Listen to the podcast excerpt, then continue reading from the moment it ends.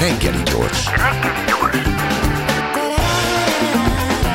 A Klubrádió reggeli információs műsora.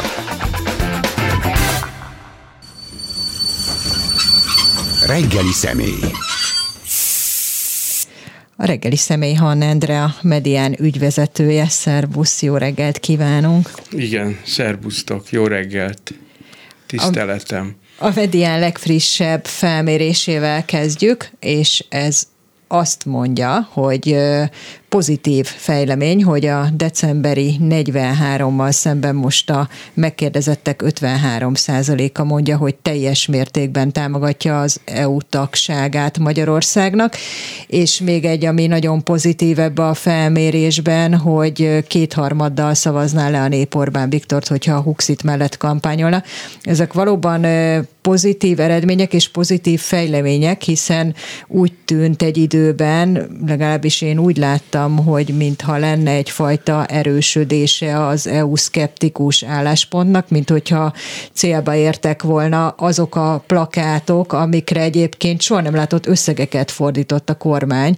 Tehát azt tudjuk, hogy a propaganda költésekből kiemelkedő volt az a bizonyos szankciós bombaként ábrázoló, szankciókat bombaként ábrázoló plakátkampány. Tehát szerinted mi történhetett, hogy jó irányba indultak el a dolgok?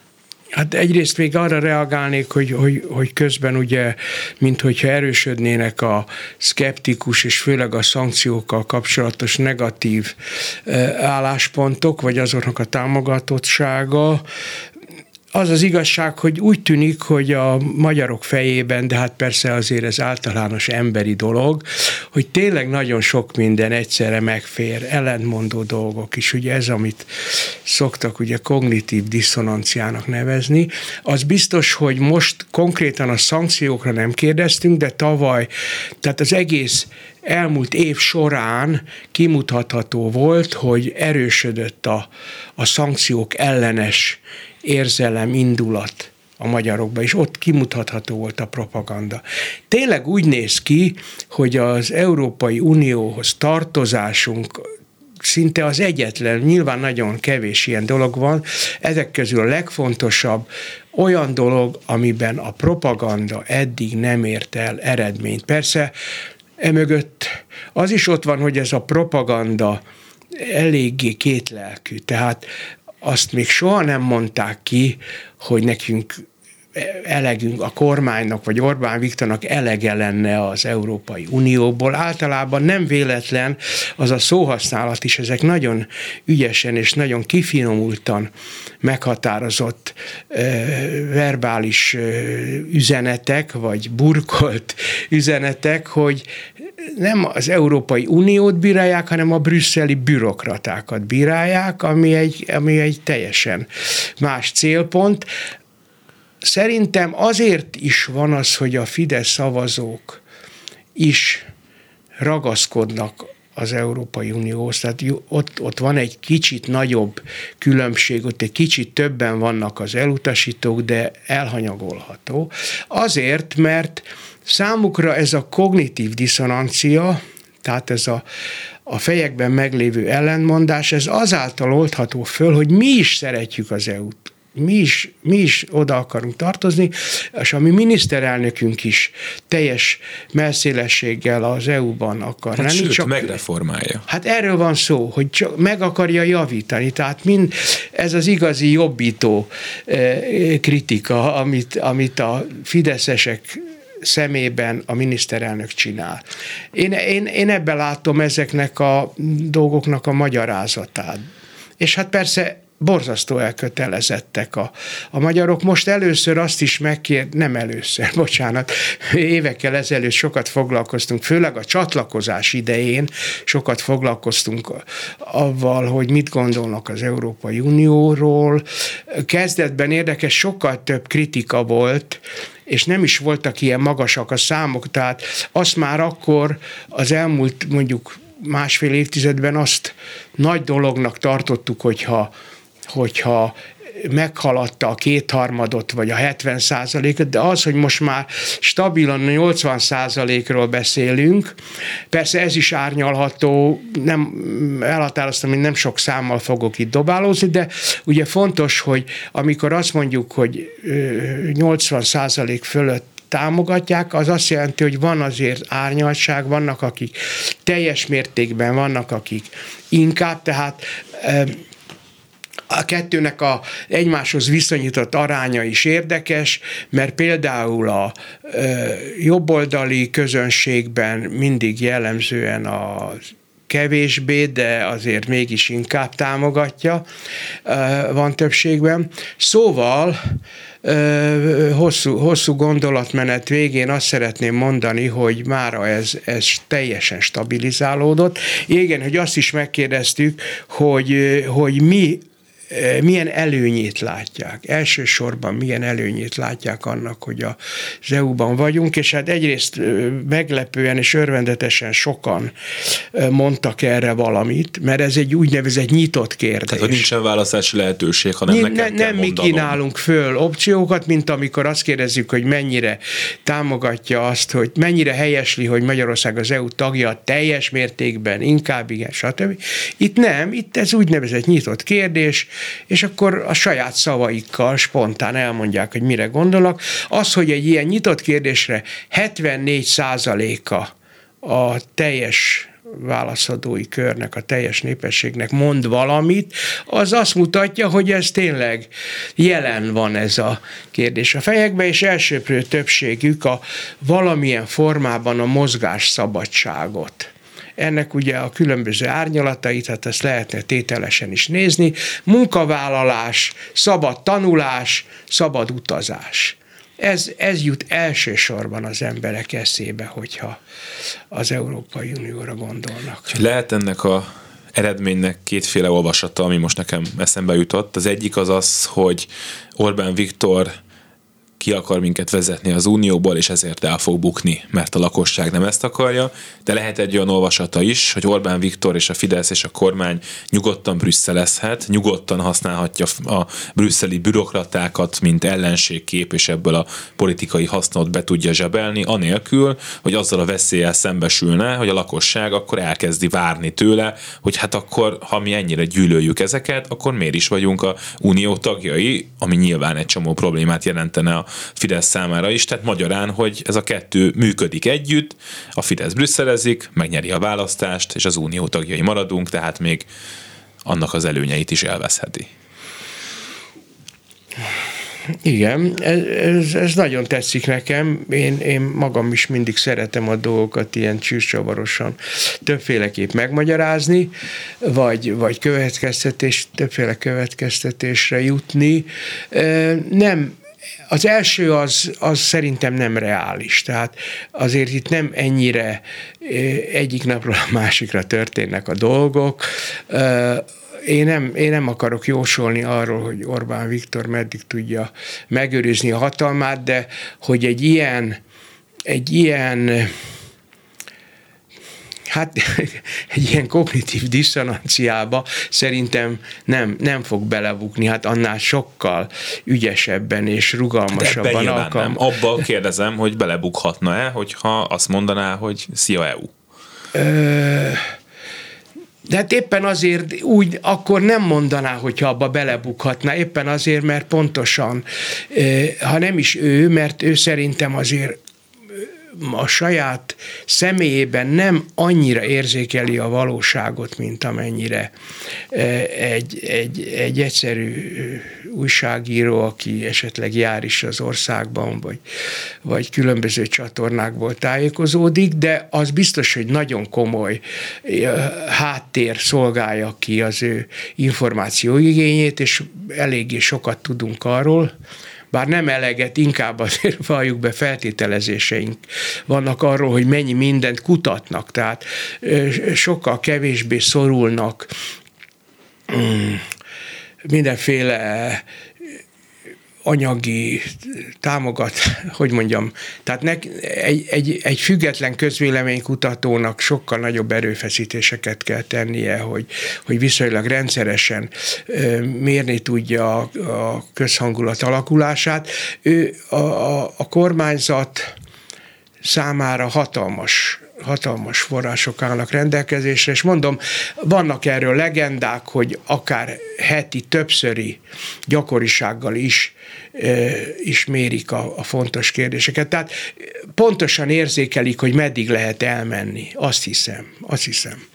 És annál persze érdekes, hogy, hogy mit publikálnak ebből a nagyon sok kutatásból, és meg kell mondanom, hogy nagyon szelektíven publikálnak, és az, hogy hát soha nincs valódi kétségem afelől, hogy, hogy jól mérünk-e.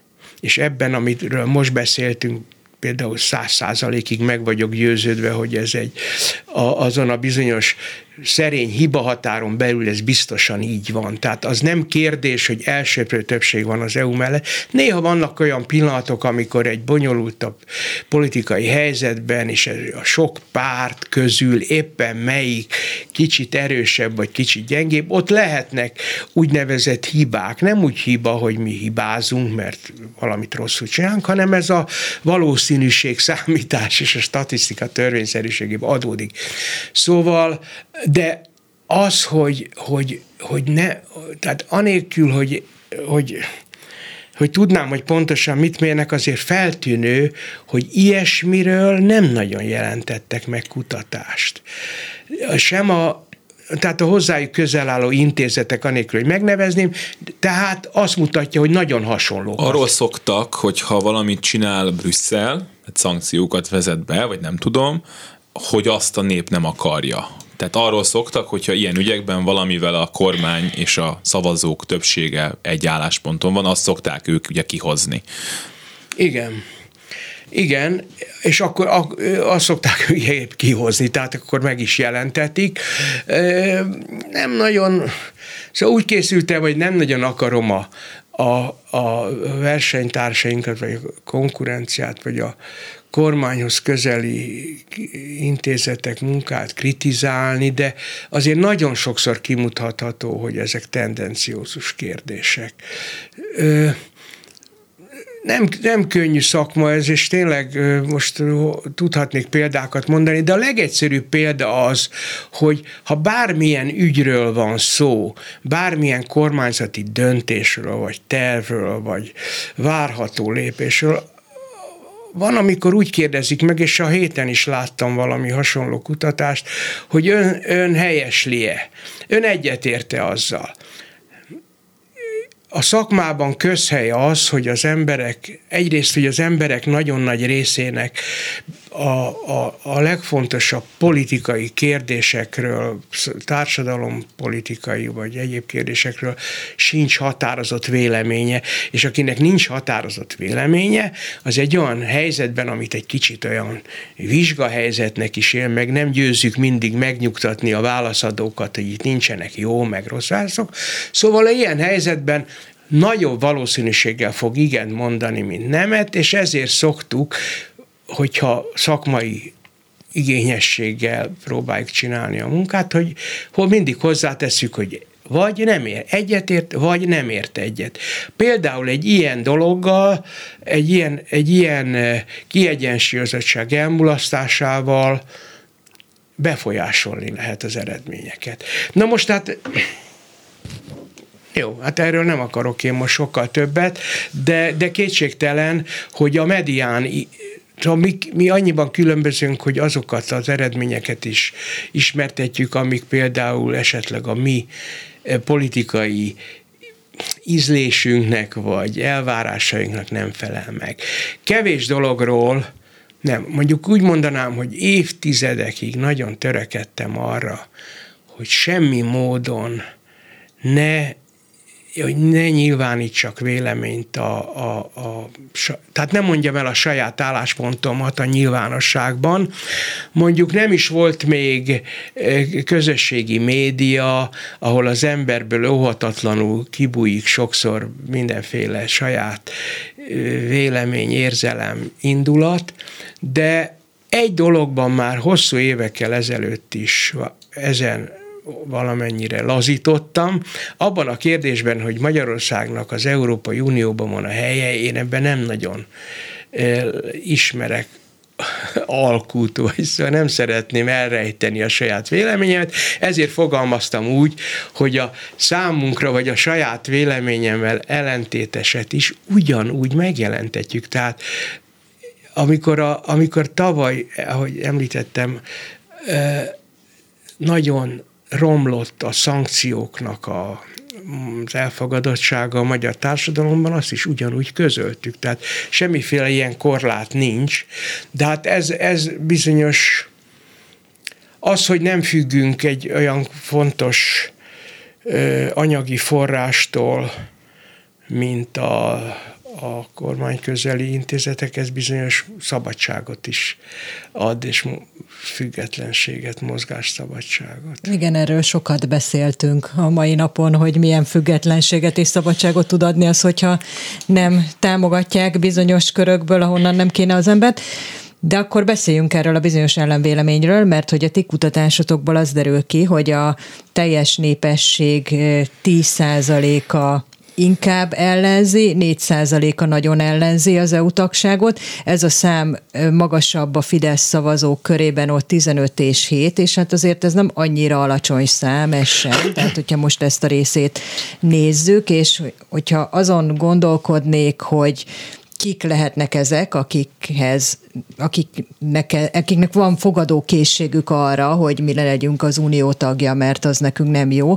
Az nyilvánvalóan azt tippelném, hogy azok, akik mindazokat az előnyöket, amiket felsoroltál, a mozgásszabadságot, szabad munkavállalást, szabad utazás, stb. nem tudják élvezni, mert nem jutnak hozzá, mert nem olyan helyzetben vannak, de lehetséges-e az, hogy azok, akik ezeket az előnyöket élvezik, vagy hát nyilván a gyerekeik nem tanulnak Erasmuson ezeknek az embereknek, de lehetséges-e az, hogy vannak olyan emberek, akik meg hozzájutnak ezekhez az előnyökhöz, és mégis azt mondják, hogy nekünk nem kell Brüsszel, vagy nem mondja meg, hogy mit csináljunk. Mert gondolom erre nincsen külön kutatásotok, de hogy valamiféle képet biztos van erről.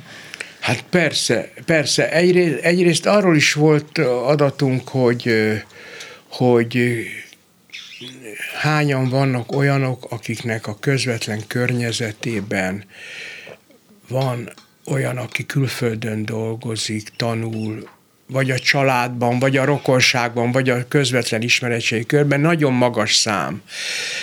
Hát persze az, hogy kik lehetnek azok, az is, szóval igé, nagyon igényes vagy, mert azt mondod, hogy ez a 11 néhány százalék is kicsit neked sok, mert tényleg azt szeretnénk, hogy a, a magyarság egy emberként legyen. De hát azért ez egy sokkal bonyolultabb kérdés, és meg olyan is lehet, akinek a, a mondjuk az üzleti érdekeit nem annyira kedvezően érinti ez. De nem hiszem, hogy ilyen probléma lenne. Inkább az a probléma, ami azért kényes, mert most olyan jelzőket fogok mondani, ami embereket bánt. Mindjárt elmondom a példát is, hogy, hogy hogyan. Szóval a kevésbé iskolázott, kevésbé jó társadalmi helyzetben lévő, mondhatnám nagyon egyszerűen alacsony jövedelmű, szegény, nagyon rossz körülmények között kis településen élő emberek között lehetnek sokkal többen olyanok, akik ezeket az úgynevezett előnyöket egyáltalán nem érzik át, vagy amit átéreznek, például a szabad piac, a, a, a boltokban tapasztalatú sokkal nagyobb választék, szóval ezeknek, ezeknek az előnyeit vagy nem is érzékelik, vagy egyáltalán nem élvezik. És azért mondom, hogy ez kényes, mert ahányszor elmondjuk azt, hogy a Fidesz támogatottsága magasabb az alacsony iskolázottságú, alacsony jövedelmű, kis településen élő emberek között, akkor mindig fölhördülnek, hogy, hogy ezzel a magyar társadalmi jelentős részét leszóljuk, le, lebunkózzuk, nem tudom, szóval rögtön indulatok támadnak, pedig ezek tények, és ezt érdemes megnézni, hogy mi van e mögött. Egyszer a, pont a, a Facebookon jelentettünk meg egy ilyen, egy ilyen összegzést, hogy hogy is néz ki a jövedelmi helyzet és a szavazási szándék, és miközben ugye egyfelől azt mondjuk, hogy, hogy hallatlan vagyonosodás ment végbe bizonyos politika közeli, vagy úgy mondanám kormány közeli, Fidesz közeli üzletemberek és vállalkozók körében, hát eközben mégis a, a, a szavazók nagyobb arányban a szegényebb rétegekbe jönnek. Azért úgy jött ez akkor, hogy Raskó György, aki nálatok is sokszor szerepel, és nagyon érzékenyen szokott reagálni, elsősorban persze a, a, a gazdaság, azon belül a mezőgazdaság, azon belül a kereskedelem ügyeire, és ő, ő a Facebookon megírta, hogy valakivel beszélgetett, és össze, pontosabban összefutott valami Fidesz közeli tanácsadóval egy nem is tudom, valami bank sorbába, vagy üzletben sorbába, és ezen, ezen morgott, hogy, hogy miért Szóval, hogy miért van annyira elhanyagolva ez a szegény réteg Magyarországon, röviden szólva, és ez, a, ez az illető, aki nagyon benfentes a politikai boszorkánykonyhában, azt mondta, hogy minek anélkül is ránk szavaznak. És, és tényleg, hát ez, ez döbbenetes bizonyos értelemben, mert hát nem nem a Fideszt vagy Orbán Viktort okolják a, a rossz helyzetükért. Tehát a válaszom az, hogy nagy valószínűséggel, és ez persze ki is elemezhető ezekből a kutatásokból, csak persze nem elég nagy a minta, ezt nem, nem árt azért ezt, ezzel szembenézni, hogyha mondjuk csak ezer embert kérdezünk meg, akkor az egyes ilyen kategóriákba képzeljetek el egy ilyen Excel táblát, ahol ilyen cellák, úgy mondjuk cellák vannak, hogy, hogy a, a fiatal diplomások szemben a középkorú, és középfokú végzettségű férfiak, nők, stb. Minél több ilyen szempontot veszek figyelembe, ez az egyes ilyen kis szeletek vagy szegmensek annál kisebb létszámúak lesznek, és akkor már statisztikailag nem lehet kezelni. Tehát ezért érdemes, csak ezért érdemes időnként nagy mintás kutatásokat csinálni. Nem azért, mert nem hiszünk az ezer főben, amit persze a, a közönségünknek egy jó része nem tud, nem tud elfogadni. Most is mindig újra meg újra jönnek, főleg amikor megjelenik valami ilyen kisé fölkavaró eredmény, hogy úgy mondjam. Tehát ez, ez a mostani eredmény talán kevésbé felkavaró, de amit egy héttel ezelőtt kihoztunk ugyanebből a kutatásból, tehát, hogy növekszik kicsit növekedett, vagy nem is kicsit, de növekedett azoknak az aránya, akik szerint az országban jó irányba mennek a dolgok. Persze még mindig nagy többségben vannak, akik szerint rossz irányba mennek, ami nem meglepő egy ilyen válságos időszakban, amikor háború van, meg infláció van, de Ilyenkor, amikor egy ilyen eredmény megjelenik, akkor az egyik oldal, adott esetben a, az ellenzékinek mondható oldal, fel, feldúlja magát, és ezt a klubrádiósok nagyon jól ismerik, a betelefonálós műsorokból is, de a medián is kapja ilyenkor a, ha csak a, ha csak a magánleveleket kapja, az könnyebben kezelhető, de néha politikusok is beszólnak Meg szoktátok kapni, hogy a Fideszt fölülmérjétek, aztán a választáson meg ki szokott derülni, hogy inkább egy picit alul. igen, De igen, hát- beszéljünk hát... erről, mert hogyha már a válságot említetted, hogy mennyire látszik itt az elmúlt hónapok kutatásaiból a pártpreferenciákat, a hangulatot nézve az, hogy, hogy ennek van valami fajta jele, vagy akár, hogyha megnézzük azt, hogy a választást, tehát az elmúlt egy évben mondjuk mi, mi változott, akkor, akkor látsz-e valami érdemi alak átalakulást, a szavazók mentek-e nagyobb számban innen-oda, onnan ide, onnan oda?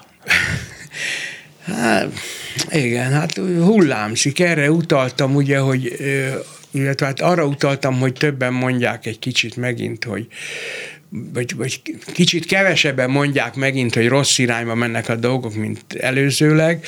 Az elmúlt fél évben azért az a mozgás volt megfigyelhető, hogy nőtt az elégedetlenség, nőtt a kormánykritikus álláspont, és csökkent a Fidesz támogatottsága, hogy szoktuk mondani, ez is egy ilyen kedves szakzsargon, hogy szignifikánsan, ami ugye latinul hát egyszerűen azt jelenti, hogy, hogy jelentős mértékben, de ennek megvannak a statisztikai pontos a definíció, hogy mit tekintünk annak.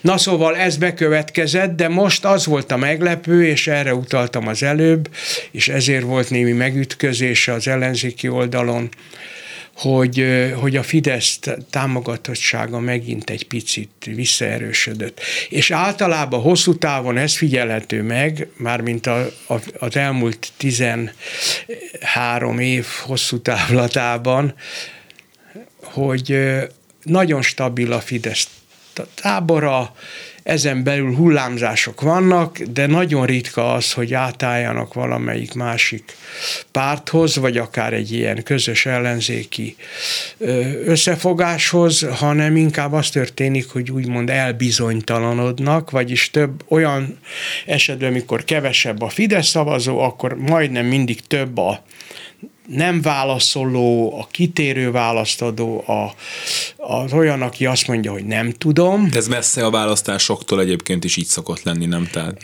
Egyébként is, de még azért a választások előtt is ö, lehet, hogy nagy számban vannak. Olyankor jönnek persze a találgatások, nem akarom ezt is kinyitni, csak jelzem, hogy, hogy ilyenkor van az úgynevezett rejtő, most mutatom az idézőjelet, rejtőzködő szavazók, ami egy egy ilyen toposz a szakmában.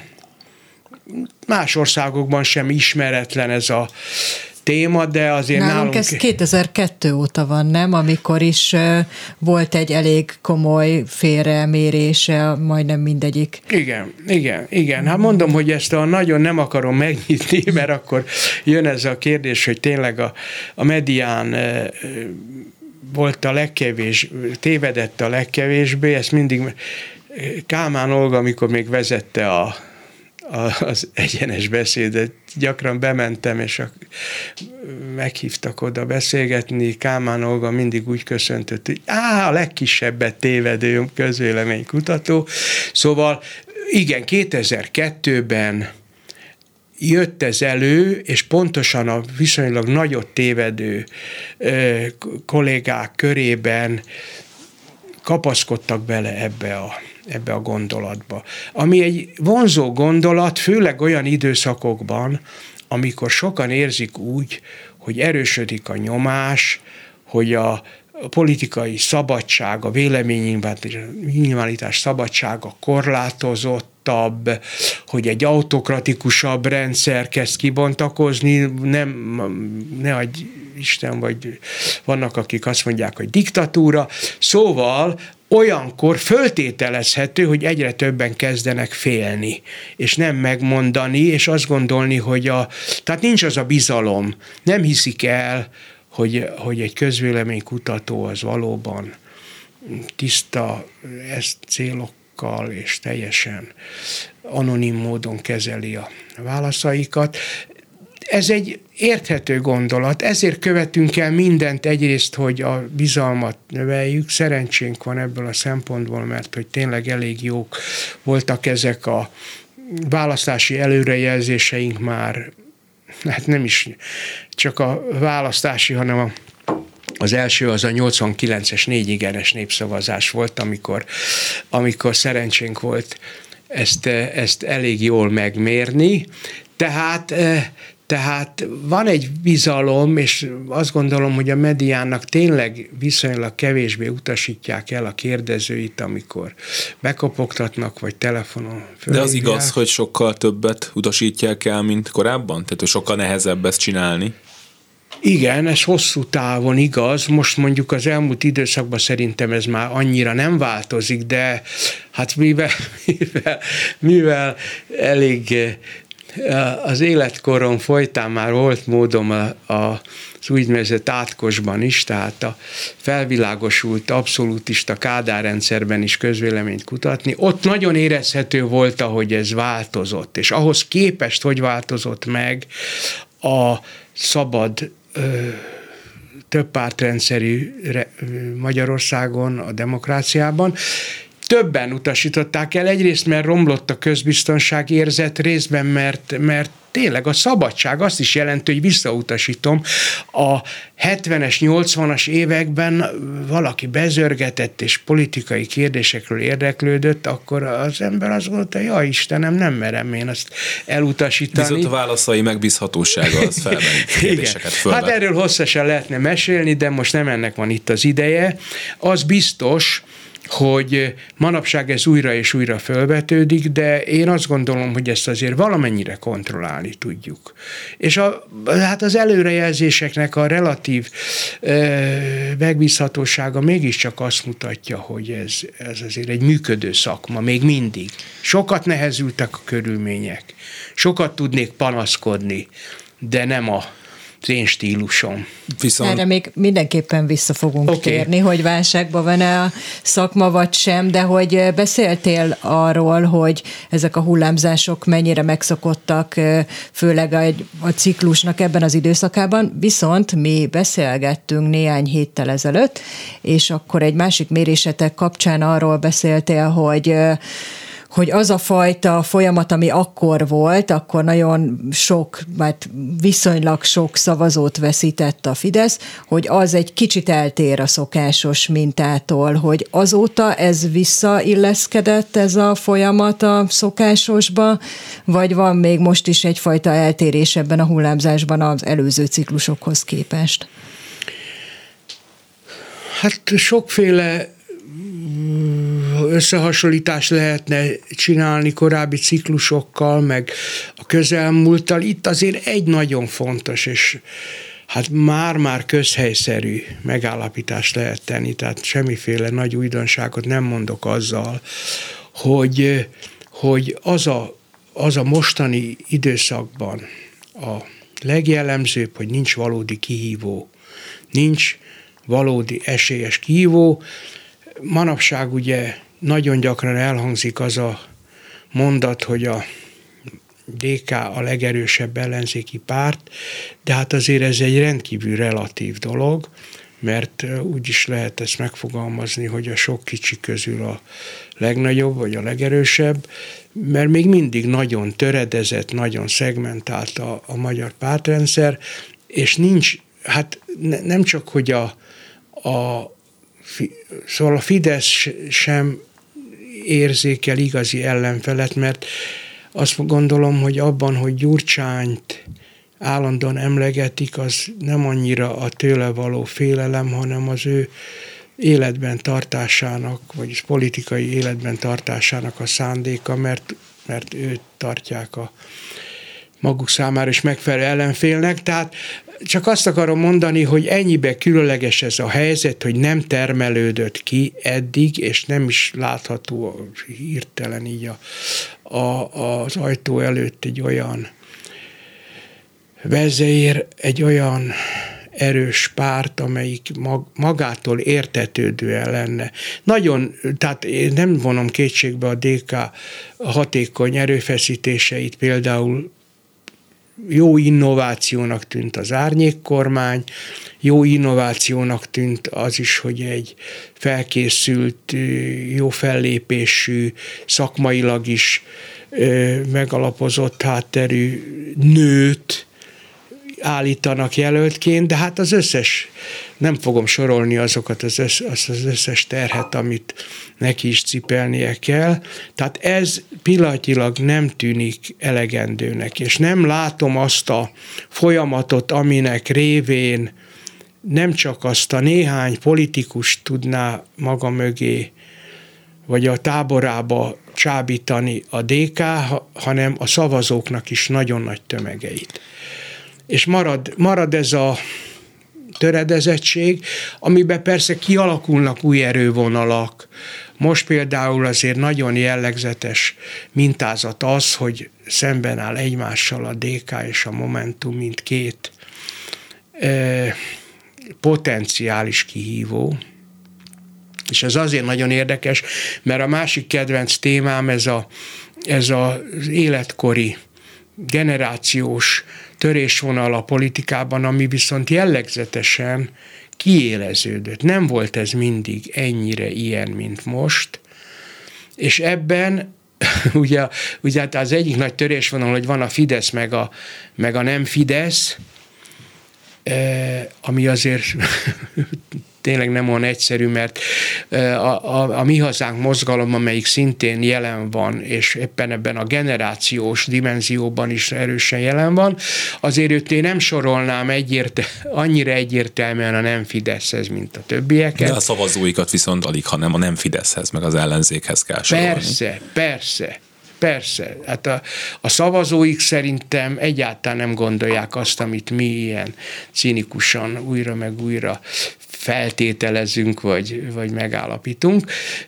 Tehát, tehát ez a generációs törésvonal, ez nagyon izgalmas, mert ez a, a, a Fideszt is elkülöníti egy kicsit az ellenzék jó részétől, de az ellenzéken belül is nagyon élesen megkülönbözteti a hagyomány, így mondanám hagyományos baloldalt, vagy amikor egy időben szerették azt a jelzőt használni, hogy a 20. századi, meg a 21. századi pártokat, tehát a, a két meglehetősen egyértelműen baloldali vagy baloldali indítatású párt, a DK meg az MSP, az ő szavazóik átlag életkora az igazán látványos. Tehát az, hogy a DK szavazóinak az átlag életkora még ma is 60 év, az meglehetősen különös pedig, pedig a DK Gyurcsányal az élen elég sokat tett azért, hogy fiatalosabb hangon szólaljon meg, hogy megszólítsa a fiatalokat a közösségi médiában. És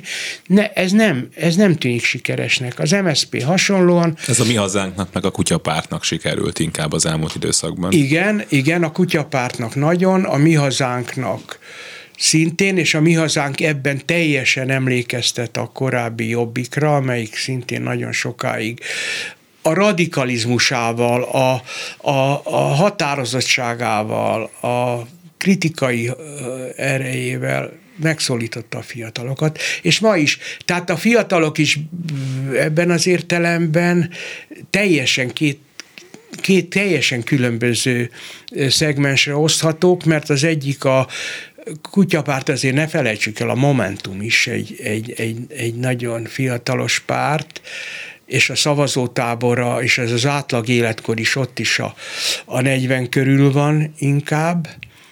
Tehát, tehát ők, ők mi volt a mondat eleje?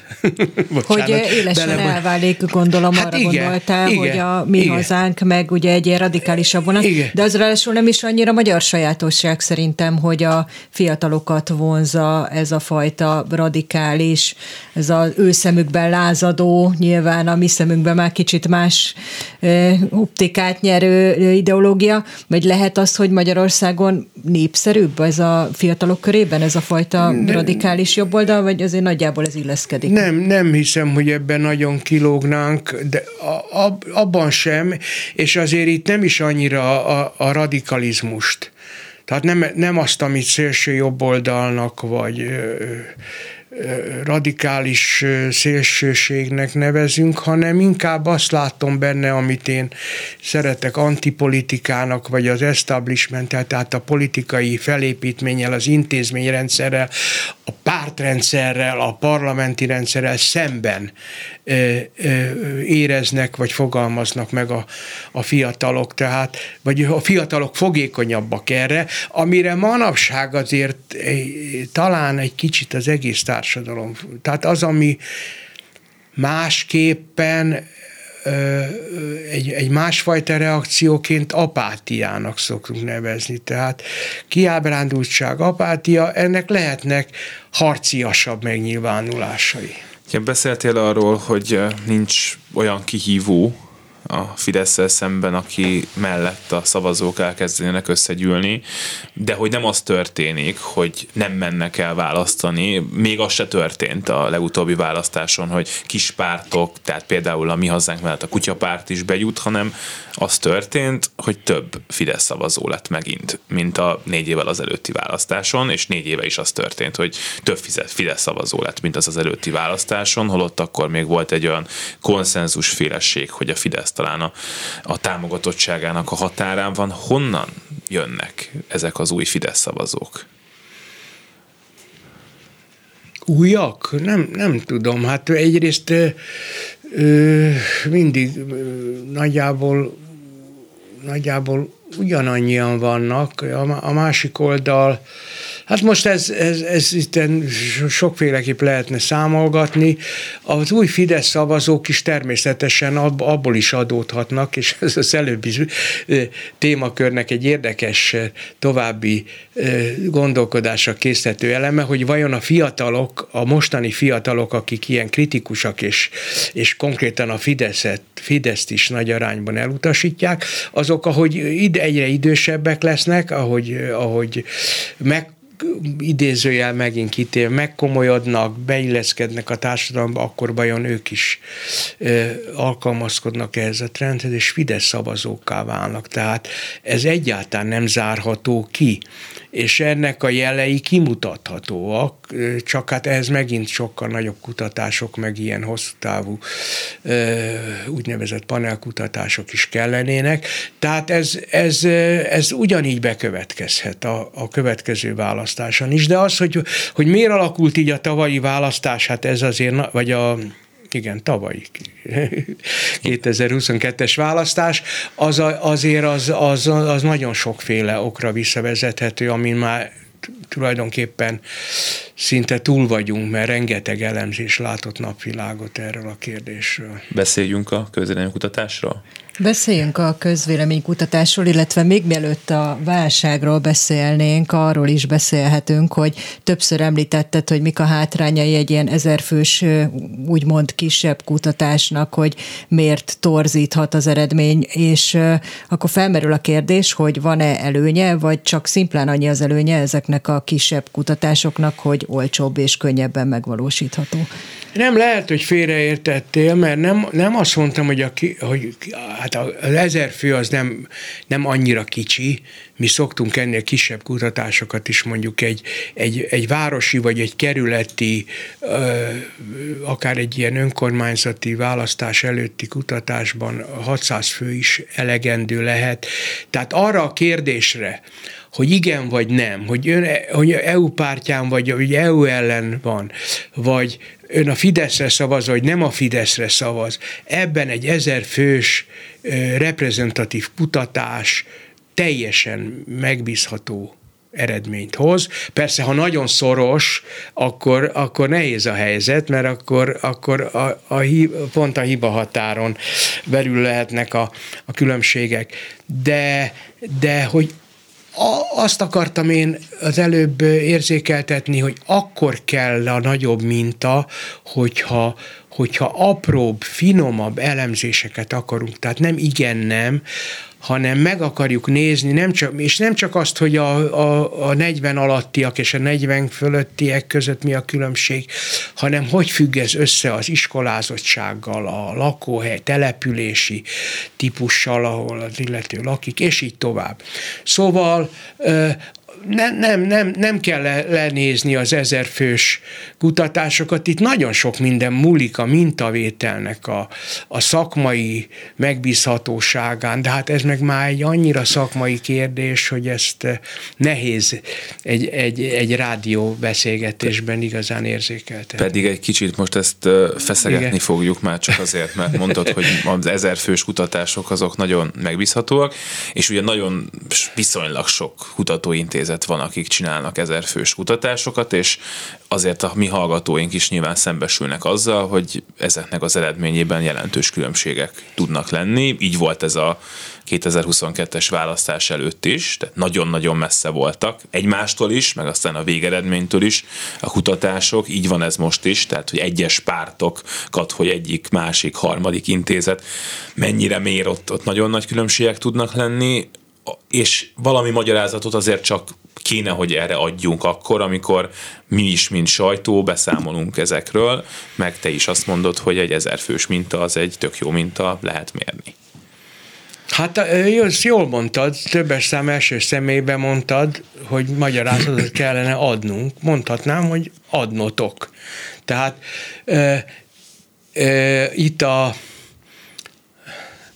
az úgy, úgy mondanám, hogy a tényfeltáró újságírásnak van óriási e, terepe és szerepe, mert nagyon nehéz helyzetbe hoztok, hogyha azt várjátok, hogy én a kollégákról, a versengő intézetekről, a konkurenciáról elemző módon kritika, kritikát gyakoroljak. Nem, ezt, ezt én nem tehetem meg, így is már egy kicsit több a, a, az elégnél az, ami, ami így elhangzott kölcsönösen egymásról. Én például nagyon erősen kikeltem az ellen, amikor kollégák, vagyis egy másik intézet, nevezhetném úgy is, hogy egy kormány közeli intézet, de ha ragaszkodtok hozzá, meg is nevezem például a Nézőpont intézetnek a munkatársai, vezetői rendszeresen a nyilvánosságban eh, a másik oldali, de én ezt, ezt se szeretem, szeretném ezt idézőjelbe tenni, versenytársaikat baloldalinak kezdték minősíteni, de úgy, úgy, mint a kormánypropagandában, tehát annyira stabil állandó jelzőként, amit én kénytelen voltam visszautasítani, és már tényleg fenyegető, már-már fenyegető hangon szólítottam föl őket, hogy ettől tartózkodjanak. Egyrészt, mert tényleg nem igaz. Szóval nem szeretnék belemenni az én politikai e, irányultságomba, de a medián soha nem volt baloldali intézet. Dolgozott baloldali kormányoknak is, pártoknak is, de dolgozott jobboldali kormányok, pártnak, és így tovább. Tehát nem szeretnék belemenni, mert ez nagyon árt a szakmának. Tehát maga, itt az a paradoxon, hogy egyrészt meg kéne tisztítani az ilyenfajta nehezen értelmezhető furcsaságoktól a szakmát, de eközben meg kéne őrizni a szakmának a társadalmi, a szakma iránti társadalmi bizalmat. Nem tudom, érthető Kevés olyan szakma van, aminek ennyire lételeme a bizalom. Sokszor, persze, az autószerelőnél is jó, ha bizalommal vagyok, meg a, meg a az újságírásnál sem. Nagyon, nagyon, nagyon, nagyon fontos, de nálunk ez nagyon kézzelfogható, mert egész egyszerűen, hogyha ha az egyik oldal meg egy, a másik oldal által megbélyegzett közvéleménykutató munkatársával találkozik, egy szavazó, lehet, hogy azért nem fog válaszolni, mert az már meg van bélyegezve, és ettől egy önmagát erősítő... Hát az biztos, hogy a nézőpontnak egy csomó nem kormánypárti leteszi a telefont. E- vagy vice versa. Vagy vice versa. Vagy vice versa. De mivel, mivel minket éppen a múlt héten dicsért meg kicsit faramúci módon Bajer Zsolt az egyik ilyen írtévés műsorban. Azt kell mondanom, hogy viszonylag jó helyzetben vagyunk. Rit, gyakrabban dicsérnek meg minket a Fidesz környékéről, mint amennyire a nézőpontot a úgynevezett baloldali szavazók, de szóval az a lényeg, hogy, nem, hogy ez a paradoxon, hogy nem jó erről túl sokat beszélni, mert akkor meg romlik ez a bizalom az egész szakma iránt, ami közös amit közös érdekünk elkerülni. Tehát forduljatok, elemezzétek, vegyétek a fáradtságot, hogy megnézitek, hogy tényleg mi van ezek mögött, a különbségek mögött, kérdezzétek meg mindig az, az adott szakembereket is. Figyeljétek az olyan szakembereket, mint például a Vox Populin nevű blognak vagy Facebook oldalnak a szerzője, aki megpróbál ezek mögé, a különbségek mögé, a számok mögé nézni, és politikailag is. Persze néha ő meg, ő meg talán nagyon kritikus, Tóka Gáborról beszélek, ő meg nagyon kritikus sok mindennel. Szerinte ami... sokkal nagyobb a hiba határ, mint ahogy azt ti mondjátok például. Igen, igen. De hát a, avval azért nehezen tudott mit kezdeni, hogy a választásokon azért mindig elég jó, jó közel mentünk. Na, szóval eze, ezek nagyon, egyrészt nagyon bonyolult szakmai kérdések, másrészt nagyon kényes politikai kérdések, azért, amit az előbb elmondtam, tehát ne romboljuk az egész szakma iránti bizalmat azzal, hogy egymással is folyamatosan ö, csatározunk, de le kell szögezni, hogy én, aki nagyon nagy híve vagyok a versenynek, tényleg őszintén minden, nagyon sok mindent köszönhetek a verseny kihívásainak. Szakmailag mindig próbáltunk újítani, kitalálni új dolgokat, de ugyanakkor pedig ez a túl sok versenyző, vannak ilyen konjunktúra lovagok, hát rossz szó. Szóval konjunkturális piackutató és közvénykutató cégek a választás előtt mindig megjelennek, és most is éppen e, Tóka Gábor hívta fel a figyelmet, amikor a mi hazánk lelkesen még reklám célokra is felhasználta a mediának az egyik nagyon kiragadott eredményét, hogy ennek a farvizén valami teljesen új és ismeretlen nevű ö, meglehetősen tendenciózusan dolgozó cég jelent meg. Tehát kicsit túl nagy a zaj, kicsit túl sok a versenytárs, de hát ezzel együtt kell tudni élni, és nagyon jók az ilyen beszélgetések, és tényleg nem csak, hogy jól érzem magam itt a klubrádióban, hanem köszönet illeti, hogy ennyit szántok rá, hogy ezeket legalább egy kicsit érzékeltessük ezeknek a kérdéseknek a, az összetettségét és kényességét.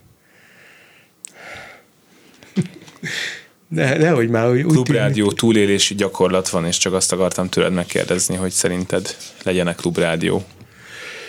Hú, hát én, én egyrészt egy gyerekkorom óta teljesen megszállott rádióhallgató vagyok, mindig szól valami, és kifejlesztettem azt a képességet, hogy mellette tudok dolgozni és gondolkozni, de hát mióta, mióta olyanok a viszonyok, amilyenek, ez, ez a bizonyos rádió, ami mindig szól, ez egyértelműen a klubrádió, és persze én is kritikus hallgató vagyok, de elkötelezett, és, és és hát nagy mértékben innen tájékozódó hallgató, és nagyon örülök, hogy állandóan képesek vagytok megújulni, például ez, hogy a podcast piacon is ilyen eh, jól jelen vagytok, ez egy óriási fejlemény, és ez egy nagyon ígéretes a fiatal hallgatók eh, ide, ide vonzásája céljából is.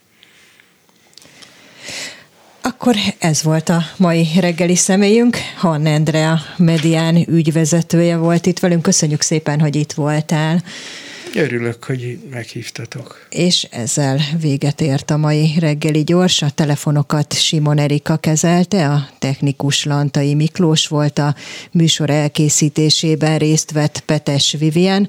Elbúcsúznak önöktől a műsorvezetők. Selmec János. És Herskovics Eszter. Köszönjük szépen a viszonthallásra. Reggeli gyors, nem maradjon le semmiről.